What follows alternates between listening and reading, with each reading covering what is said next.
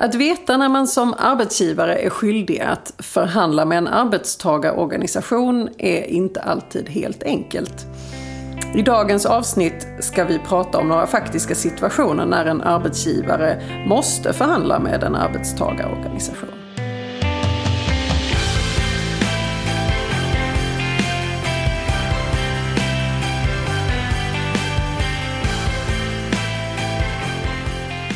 Hej och välkommen till Arbetsrättspodden.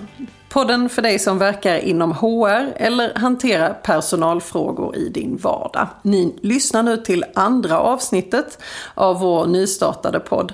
Och i den här podden så vill vi bjuda dig på lite nya infallsvinklar och dela med oss av vår kunskap just för dig som arbetar inom HR-området. Jag heter Emelie Svensäter Järntopp och arbetar som advokat inom arbetsrätt här på Vinge.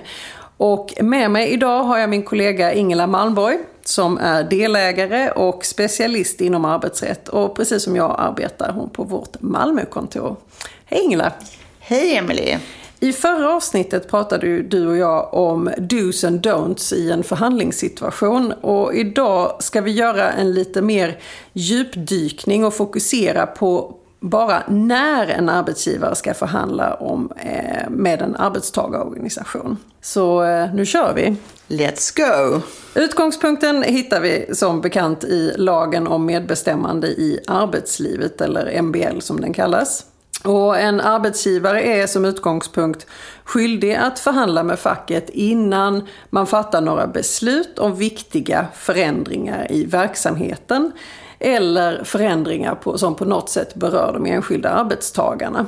Och för att kunna veta här vad man ska göra så behöver man ju ta ställning dels till vad som är en förändring och också vilka förändringar som kan anses vara viktiga. Vilka förändringar som avses beror dessutom på ifall man har kollektivavtal eller ifall man inte har kollektivavtal. Och har du kollektivavtal så har man en primär förhandlingsskyldighet enligt 11 paragrafen. Och då kan man väl säga, Engel, att man har en, en långtgående förhandlingsskyldighet.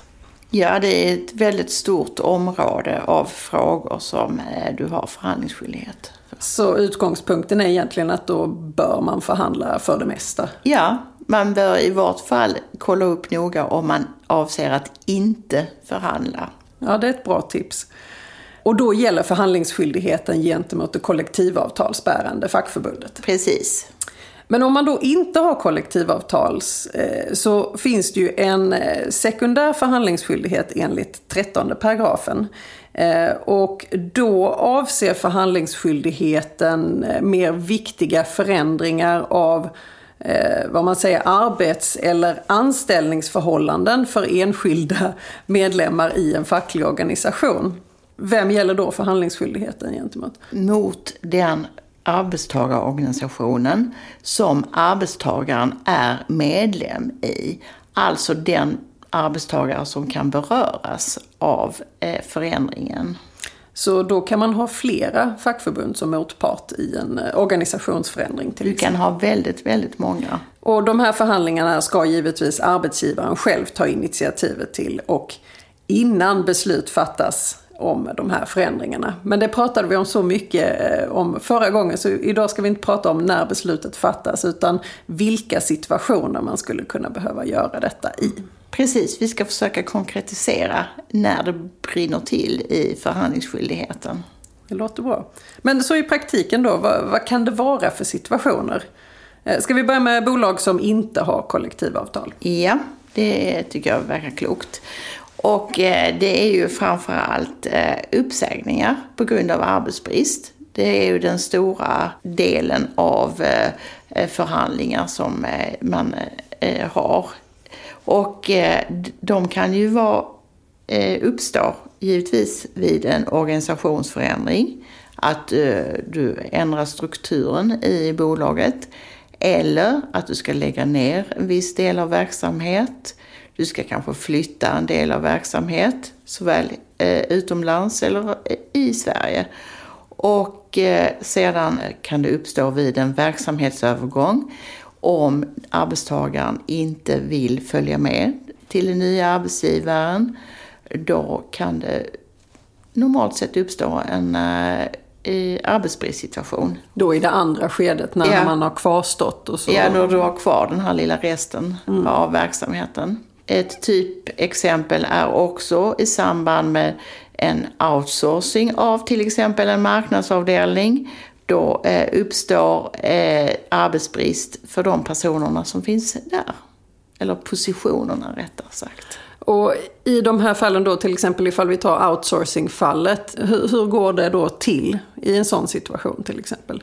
Ja, då eh, får ju arbetsgivaren kontrollera eh, med de arbetstagarna som kan beröras om de är medlemmar i en arbetstagarorganisation. Och är eh, de det så får man påkalla förhandling med respektive arbetstagarorganisation. Och då eh, får man också göra en eh, normal eh, genomgång av finns det några lediga tjänster? Ska vi, hur ser turordningslistan ut? Har de här personerna som sitter på de positionerna som ska försvinna, har de tillräckliga kvalifikationer för något annat jobb där det är en person som har kortare anställningstid? Och jag förmodar att vi tar hela eh, omorganisation och uppsägning på grund av arbetsbrist kommer till vara ett annan podd. Eh, det tycker jag. Det är ett ganska, båda två är väldigt omfattande ämnen. Så, eh, mm. om, om, så då har vi egentligen situationen när vi, när vi bedömer att man kommer göra, ha någon typ av uppsägning på grund av arbetsbrist. Men om man inte behöver gå så långt så att man behöver säga upp någon. Eh, om du inte har ett kollektivavtal, behöver du ändå förhandla i några andra situationer? Ja, det kan det ju vara när du ska förändra anställningsvillkoren. I, eh, till exempel att man ska Emelie, du ska inte jobba i Malmö längre utan du ska behöva åka till Lund och jobba. Om vi skulle flytta vårt kontor till Lund. Då är det typiskt en sån sak eh, som ska förhandlas. Även kanske förändringar i arbetstidens förläggning. Det kan vara en, eh, ja man drar in en bilförmån eller Ja, det är väl de mest typiska. Eller förändrar pensionssystemet. Byter eh, kanske sätt att eh, hantera pension. Så förmåner och liknande som ja. ingår. Så det är ganska omfattande förhandlingsskyldighet även ifall man inte har ett kollektivavtal. Ja, ändå. ja det är det. Men om bolaget då istället har kollektivavtal, på vilket sätt är det annorlunda då? Ja, då har du givetvis alla de frågor som vi precis har pratat om för bolag som inte har kollektivavtal. Men sen adderar du eh, ytterligare en mängd situationer där det föreligger förhandlingsskyldighet. Och eh, det är ju exempelvis chefstillsättningar. Chefstillsättningar, alltså alla chefstillsättningar? Nej, verkligen inte. Utan det är typiskt VD och sen så beroende på hur stor verksamheten är så eh, är det då, vi kan ta ett exempel från förr i världen, fabrikschefer, sajtchefer, forskning och utvecklingschefer, finanschefer och, och så vidare. Men det är helt beroende på verksamhetens storlek. Och eh, det måste man ju tänka efter var gång eh, du ska tillsätta en ny chef. Kan detta vara en förhandlingsskyldig eh, tillsättning av en chef?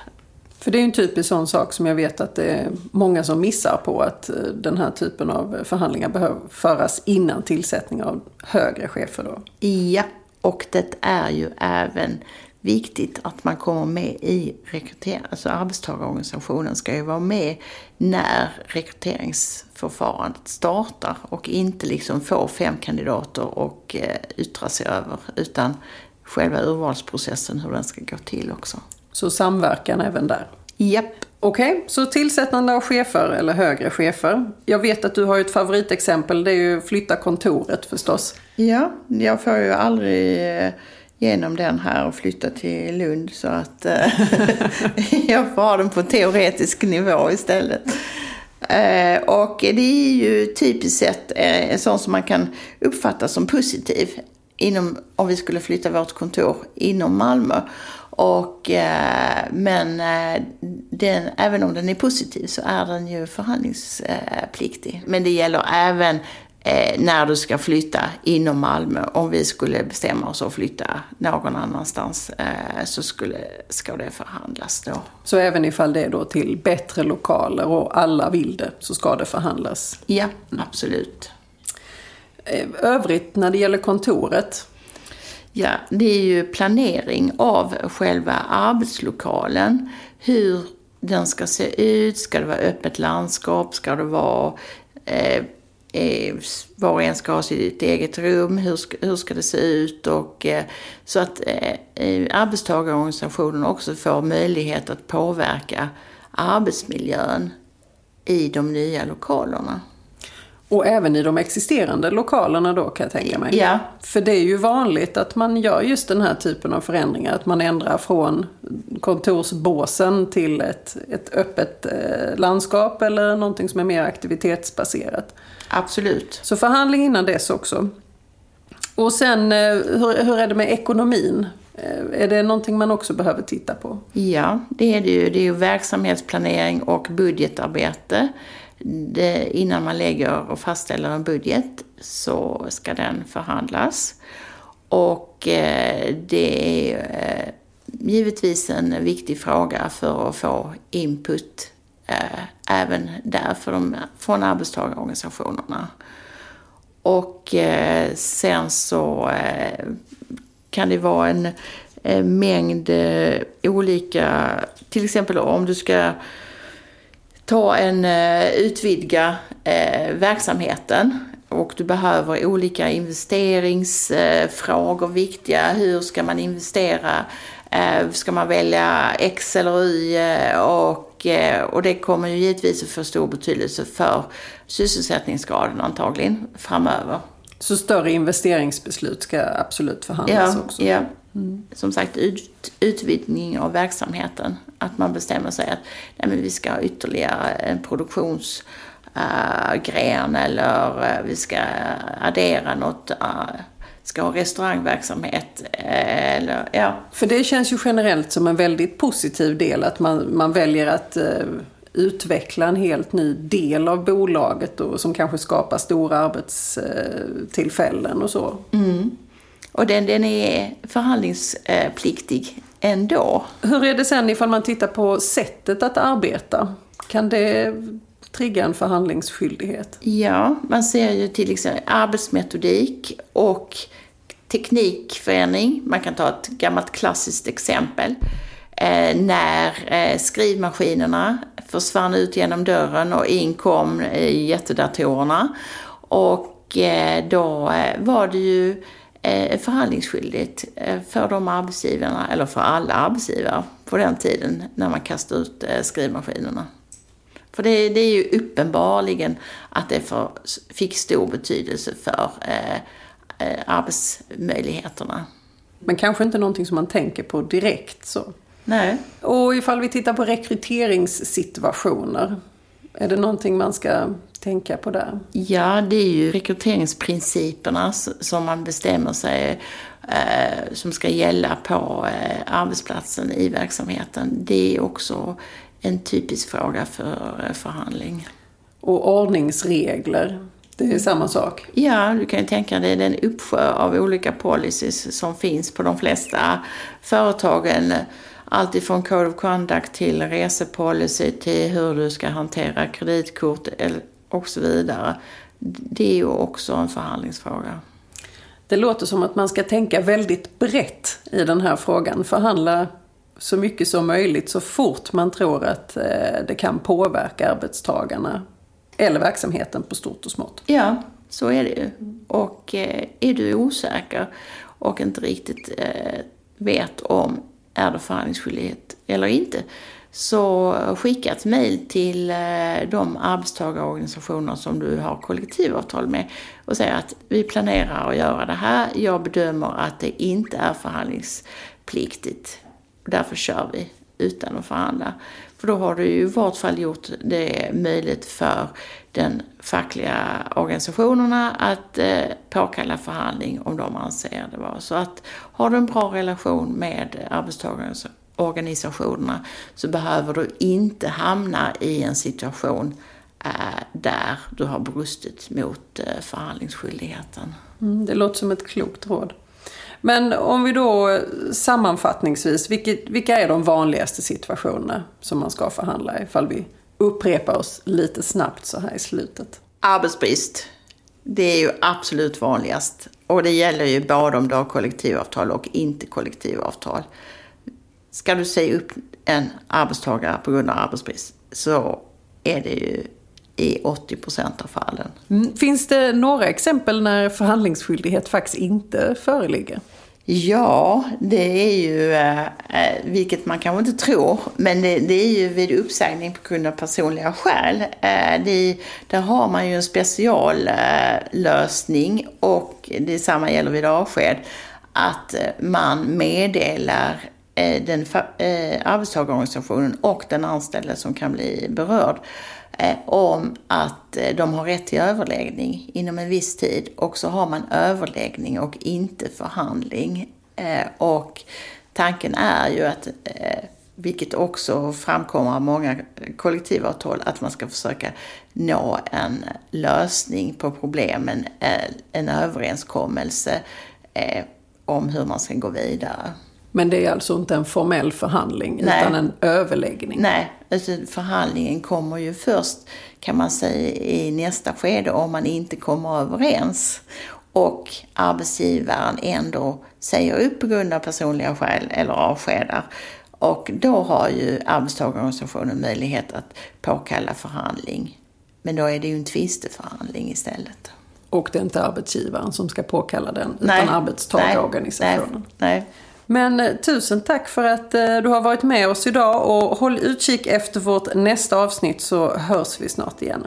Hej så länge! Hej då! Dagens gädda. Tänk på att förhandlingsskyldigheten gäller både positiva och negativa förändringar för arbetstagarna.